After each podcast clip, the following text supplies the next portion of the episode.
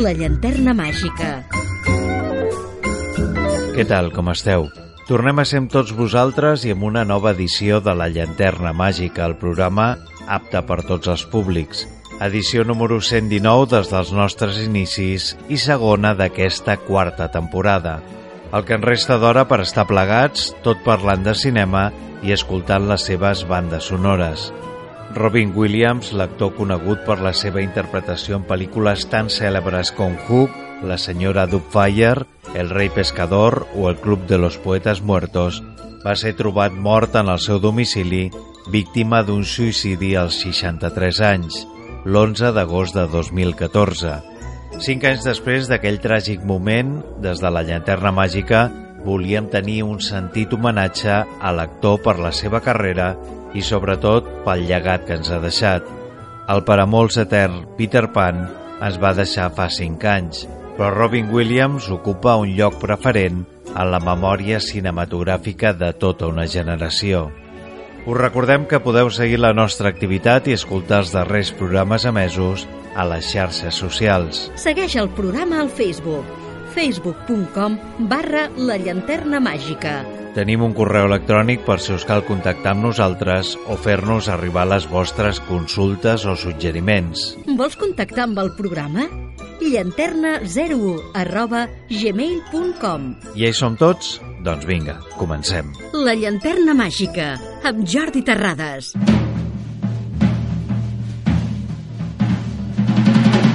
Robin McLaurin Williams va néixer a Chicago, estat d'Illinois, el 21 de juliol de 1951, en el si d'una família benestant.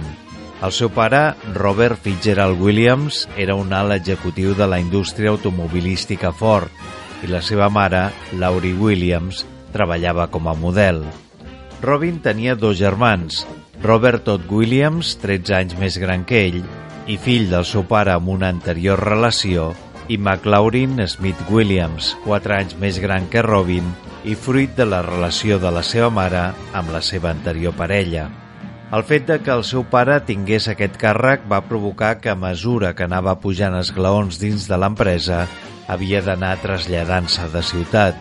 Això va generar una turbulenta relació entre Robin i el seu pare i al mateix temps problemes de relació amb altres nois de la seva edat, ja que sempre era el nou del grup. Aquesta situació, afegida a que de petit Robin era un nen baixet i grassonet, va provocar que no tingués masses amics i que, per tant, va desenvolupar l'enginy per poder-se entretenir tot sol. Una de les formes en què ho feia era memoritzant els discos de l'humorista Jonathan Winters imitant diferents veus. Oh, I'm Popeye the Sailor Man. I'm Popeye the Sailor Man. I'm strong to the finish cause I eat my spinach. I'm Popeye the Sailor Man. He's Popeye the Sailor Man. He's Popeye the Sailor Man.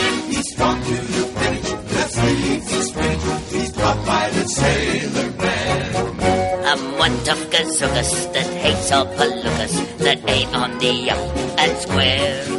Uh, biffs 'em and buffs 'em and always out roughs 'em and none of 'em gets nowhere. If anyone dashes to risk his fist, it's pop and it's wham understand. So keep good behavior, that's your one lifesaver with Popeye the Sailor Man. He's Popeye the Sailor Man. Popeye the Sailor Man. He's strong to the finish cause he eats his spinach. He's Popeye the Sailor Man. Popeye the Sailor Man. Al finalitzar els seus estudis de primària, es va matricular al Claremont McKenna College, on va iniciar els seus estudis de ciències polítiques. Va ser precisament aquí quan el jove Williams va començar a introduir-se en el món de la interpretació a l'apuntar-se a classes alternatives de teatre. El seu interès va ser tan gran que va decidir abandonar la seva carrera per dedicar-se de valent al món del teatre. D'aquesta forma va aconseguir matricular-se a la prestigiosa escola Juilliard de Nova York, un conservatori d'arts que instrueix formació de música, dansa i teatre. Precisament va ser en aquest centre on Williams va coincidir amb el ja afinat actor i productor John Houseman i el també actor Christopher Reeve, famós per interpretar a Superman i amb el que durant tota la seva vida va mantenir una magnífica relació. Round, round, get around, I get around, yeah, get around, round, round, I get around, I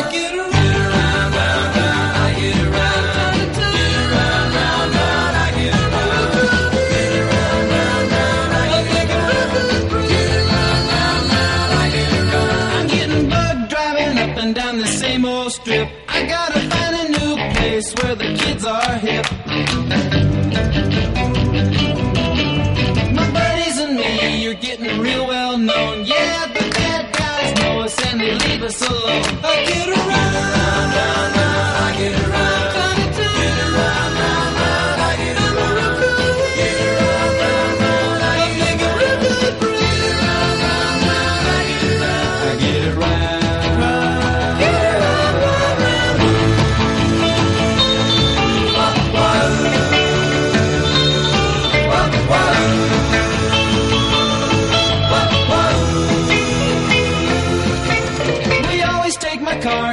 never been beat. And we've never missed yet with the girls we meet.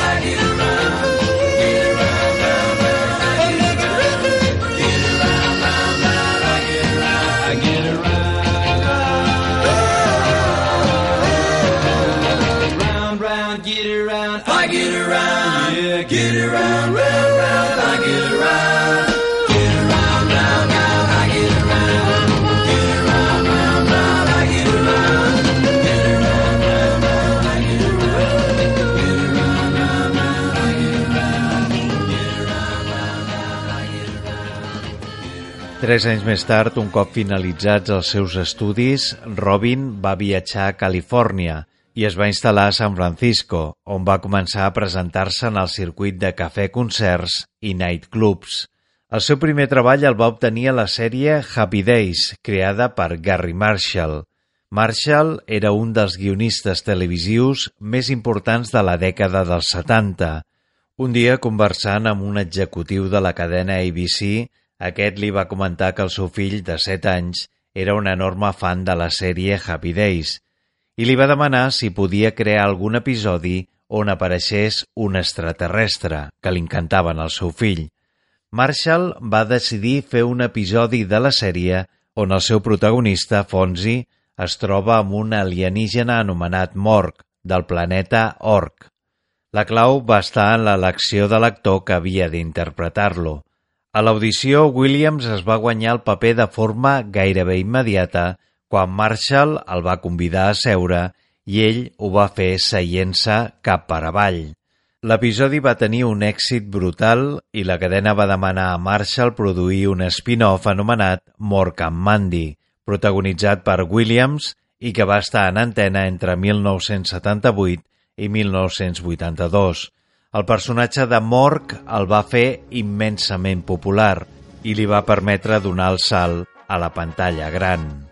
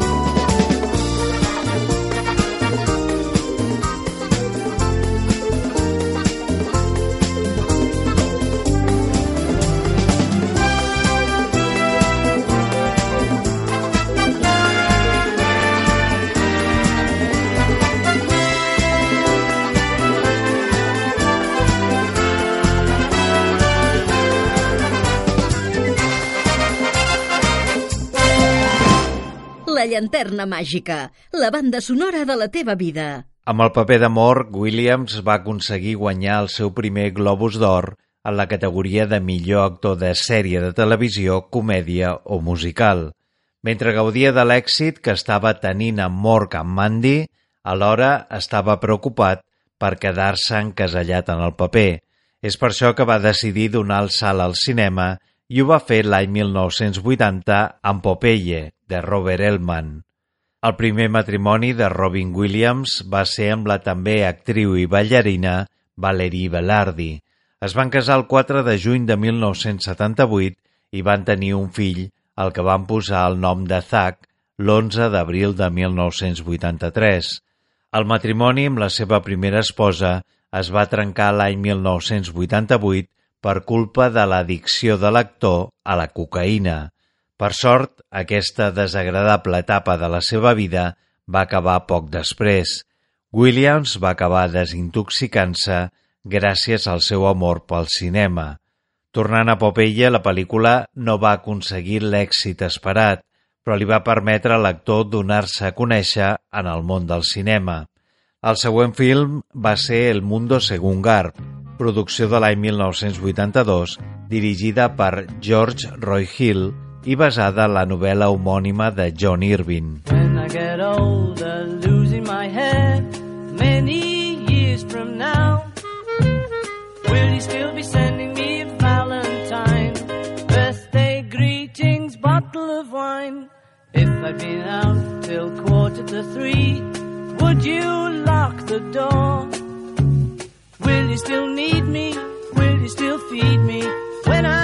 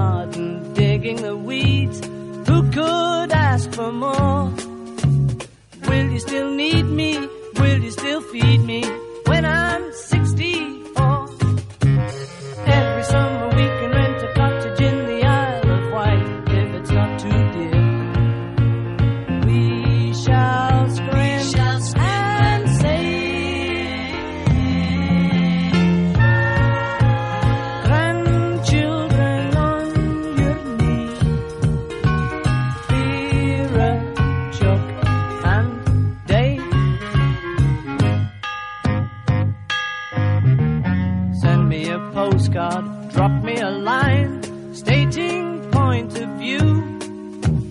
Indicate precisely what you mean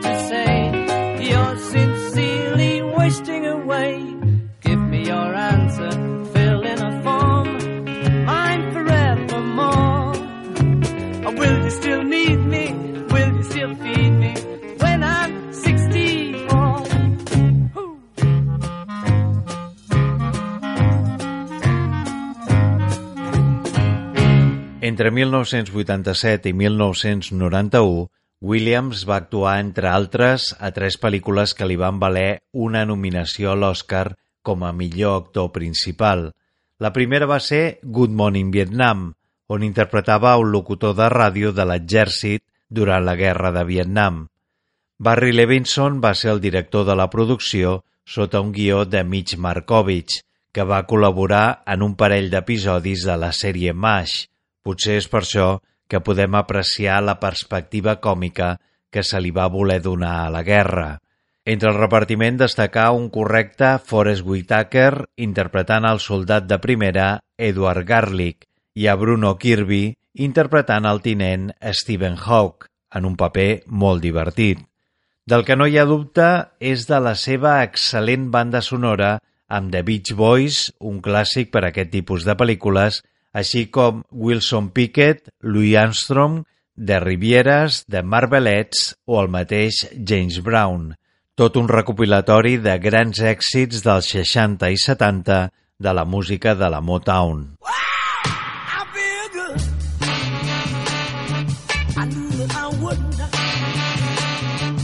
I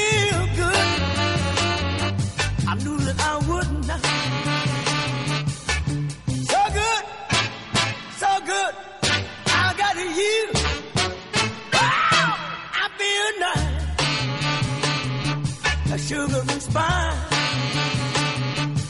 I feel nice like sugar and spice.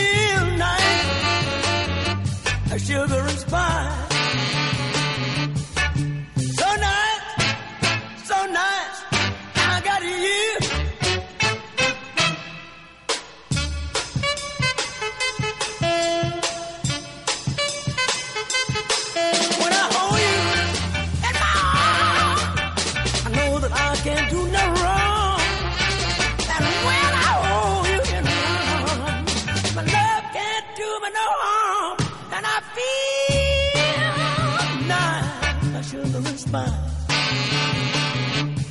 I feel nice, like sugar and spice.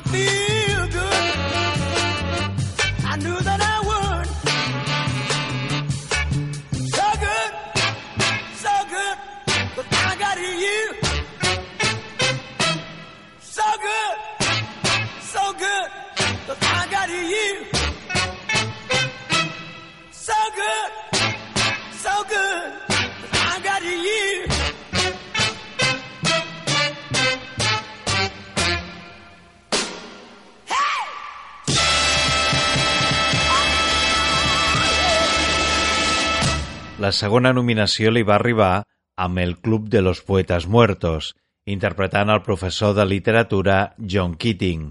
A la dècada dels 50, el destí d'uns estudiants d'un sever institut per a nois es veurà trastocat amb l'arribada d'un nou professor. El llicenciat proposa un nou mètode de veure les coses i defèn una cultura renaixentista proposant aprofitar qualsevol moment, vivint intensament cada minut de la vida. Tot això es resumeix en una frase, tempus fugit, carpe diem. El temps fuig, aprofita el moment. Aquest entusiasme per la creativitat xoca frontalment amb el sistema i és la principal font de problemes que es desenvolupen al llarg de tot el metratge. La pel·lícula dirigida per Peter Weir, amb guió de Tom Schulman, va ser mereixedora de quatre nominacions als Premis de l'Acadèmia i va endur-se l'estatueta com a millor guió original. Oh, capitán, mi capitán. Señores, Para leer el comienzo de las reuniones de los poetas muertos. el señor John Keating. Me he subido a mi mesa para recordarme que debemos mirar constantemente las cosas de un modo diferente. Tradición, John. Disciplina. ¿Qué es el Club de los Poetas Muertos?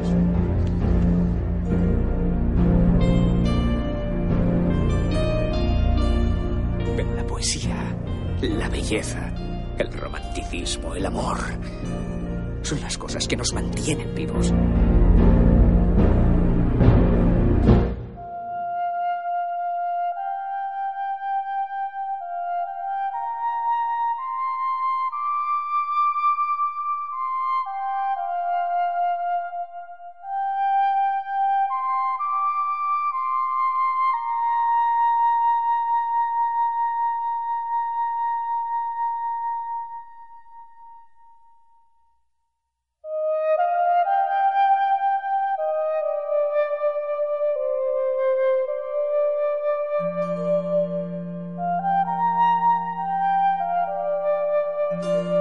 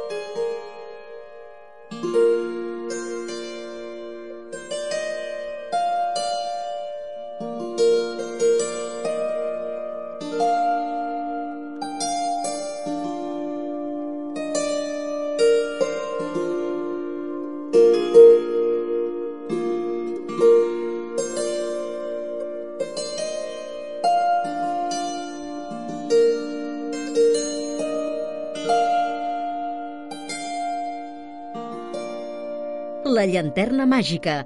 Tot el cinema a la teva ràdio local. Tot i que soni una frase molt utilitzada i fins i tot antiga, ja no es fan pel·lícules com les d'abans. Els projectes que arriben a les nostres sales de projecció ja no inscriuen els seus títols en grans lletres a la història del setè art, sinó que més aviat passen desapercebudes. I no cal remuntar-se als anys 40 i 50. Només fa 30 anys, a finals de la dècada dels 80, s'estrenava El Club de los Poetas Muertos, un dels pocs films que van aconseguir traspassar el que era estrictament cinematogràfic per convertir-se en un fenomen social.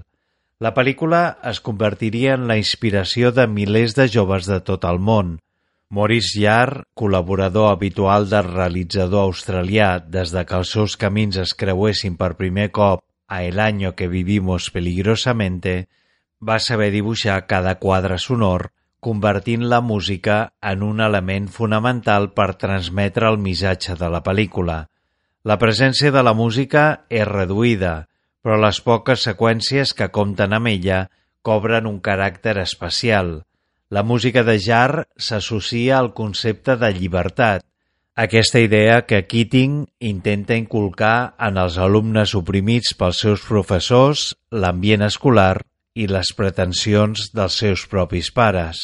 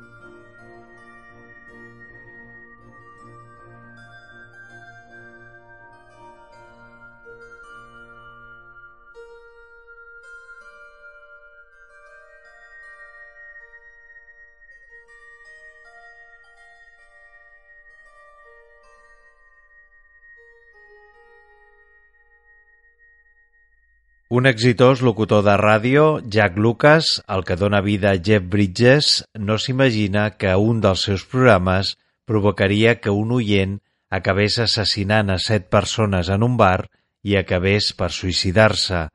Arran d'aquesta crua experiència, Jack veu com la seva carrera entra en un declivi i decideix suïcidar-se també.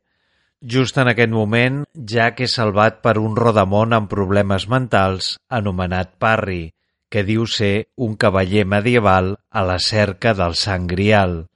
Ara, Jack té una segona oportunitat per reprendre la seva vida i ajudar el seu nou amic. La interpretació de Williams donant vida al personatge del Rodamont Parry li va valdre la tercera nominació a l'Oscar com a millor actor principal. La producció de 1991, dirigida per Terry Gilliam, a més, estava protagonitzada per Mercedes Ruel i Amanda Plummer.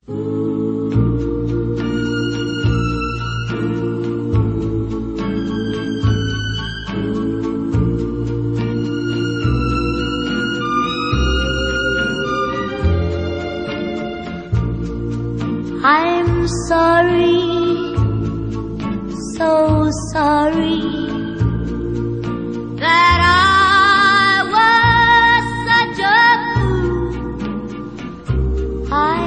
know love could be so cruel. Oh, oh, oh, oh, oh, oh yes. You tell me mistakes are part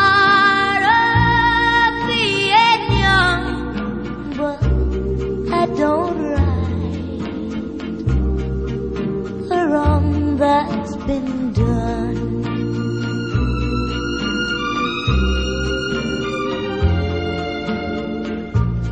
I'm sorry. I'm sorry. So sorry. Please accept my apology.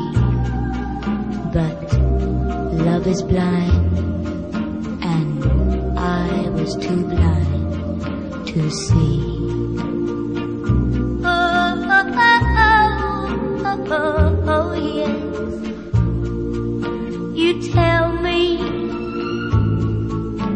day.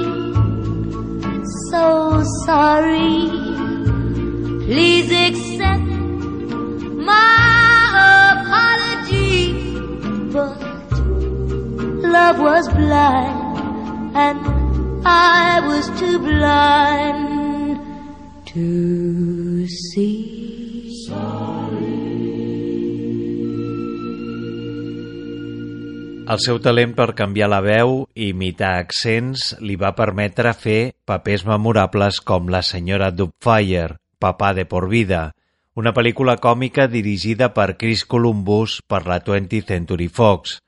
La cinta està basada en la novel·la homònima de Anne Fine i protagonitzada per Robin Williams, Sally Field, Pierce Brosnan, Lisa Kabuk, Matthew Lawrence i Mara Wilson. El paper de la senyora Dubfire va ser interpretat per primera vegada per l'actor en un espectacle que el comediant Andy Kaufman va fer al Carnegie Hall de Nova York, on Williams va fingir ser l'àvia de Kaufman. Cal dir que van ser molts els actors que van ser considerats per interpretar el paper principal de la producció, des de Michael Keaton fins a Alec Baldwin, passant per Bill Murray, Adam Sandler o Arnold Schwarzenegger. La cinta, que va comptar amb un pressupost de 25 milions de dòlars, va recaptar més de 441 milions a tot el món. A més, la pel·lícula es va endur l'Oscar al millor maquillatge i dos Globus d'Or, a millor pel·lícula i a millor actor de comèdia o musical per Robin Williams.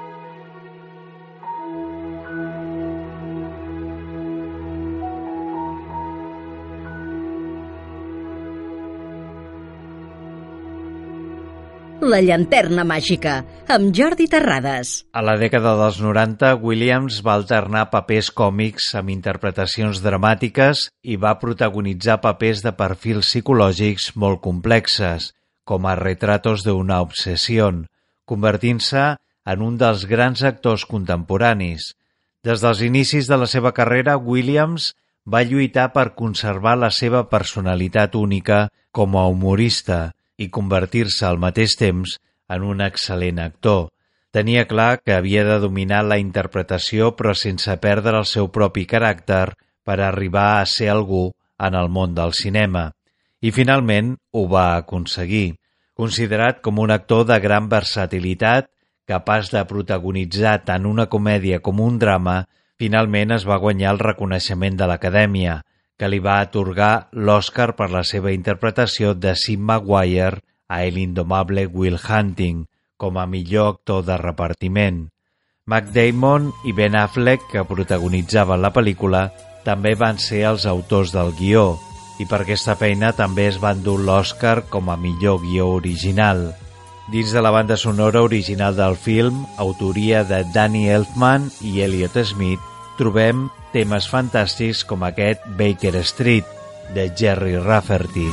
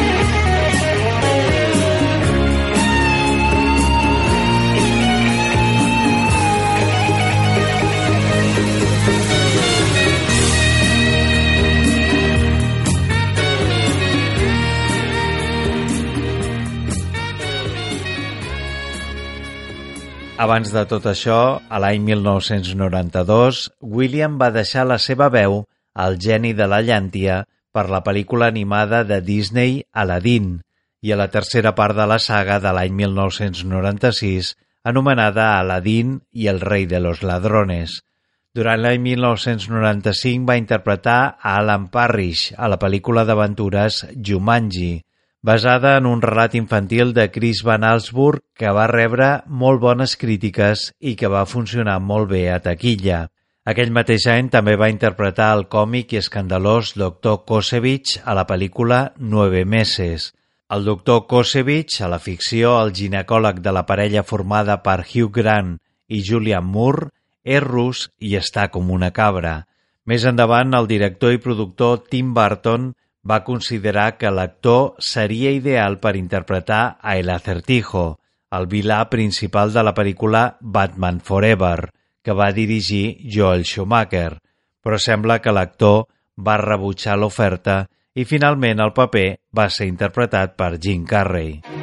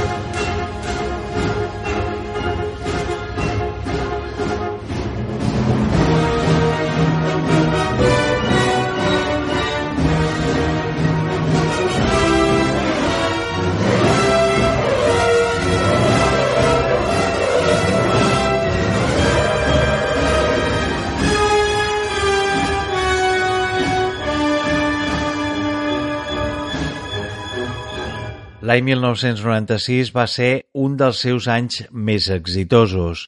Va participar a la producció Jack, on interpretava a un nen de 10 anys que té una malaltia similar a la progèria, que li confereix un aspecte 30 anys més gran de la seva edat real.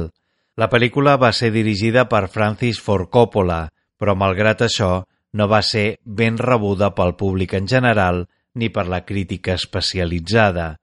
Ja han comentat que el cim de l'èxit li va arribar amb la seva participació a El indomable Will Hunting, rebent el reconeixement a l'Acadèmia com a millor actor secundari. Un any més tard va interpretar el doctor Hunter Adams, conegut popularment com a Patch Adams, o el metge de la risoteràpia. Basada en una història real, la pel·lícula és una biografia del metge que va revolucionar la comunitat mèdica aplicant singulars teràpies consistents en fer riure i proporcionar efecte als pacients malalts de càncer. La banda sonora de Mark Shaiman va ser nominada a l'Oscar com a millor banda sonora original.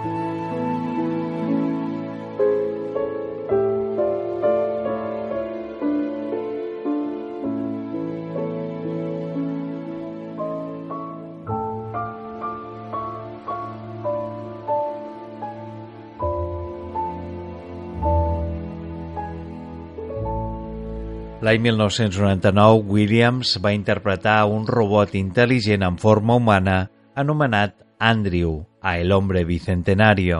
A partir d'aquí, Williams va participar encara en 35 produccions més, algunes d'elles només donant la seva veu a algun dels personatges, com en el cas de Happy Feet, on era la veu del doctor Amor. Tornant a la seva vida personal, el 30 d'abril de 1989, pocs mesos després de separar-se de la primera esposa, Williams es va casar amb Marcia Garcés, mainadera del seu primer fill, Zach, i amb la que va tenir dos fills més, Zelda Rae, nascuda tres mesos després de casar-se, i Cody Allen, dos anys més tard. El mes de març de 2008, després de 19 anys de matrimoni, Marcia Garcés va sol·licitar el divorci alegant diferències irreconciliables. Tres anys després, Williams es va casar per tercera vegada amb Susan Snyder. L'11 d'agost de 2014, Williams va ser trobat mort en el seu domicili, víctima d'un suïcidi. Tres dies després, la seva esposa va donar a conèixer que l'actor patia demència per cosos de Lewy, una malaltia neurodegenerativa i progressiva. Una de les raons que van empitjorar l'estat de l'actor va ser el mal diagnòstic de la seva malaltia, la que va ser originalment identificada com a Parkinson, ja que els símptomes són molt semblants. No va ser fins l'autòpsia, després de la seva mort, en què es va saber la malaltia real que patia. El temps no dona per més. Ho deixem aquí. Rebeu una salutació de qui us ha estat acompanyant al llarg d'aquest programa. Jordi Terrades. Com sempre us diem, gràcies per la vostra atenció, sense vosaltres no seríem res, i us esperem a la propera edició de La Llanterna Màgica. Once there was a way to get back homeward. Once there was a way to get back home. Sleep, pretty darling, do not cry. And I will sing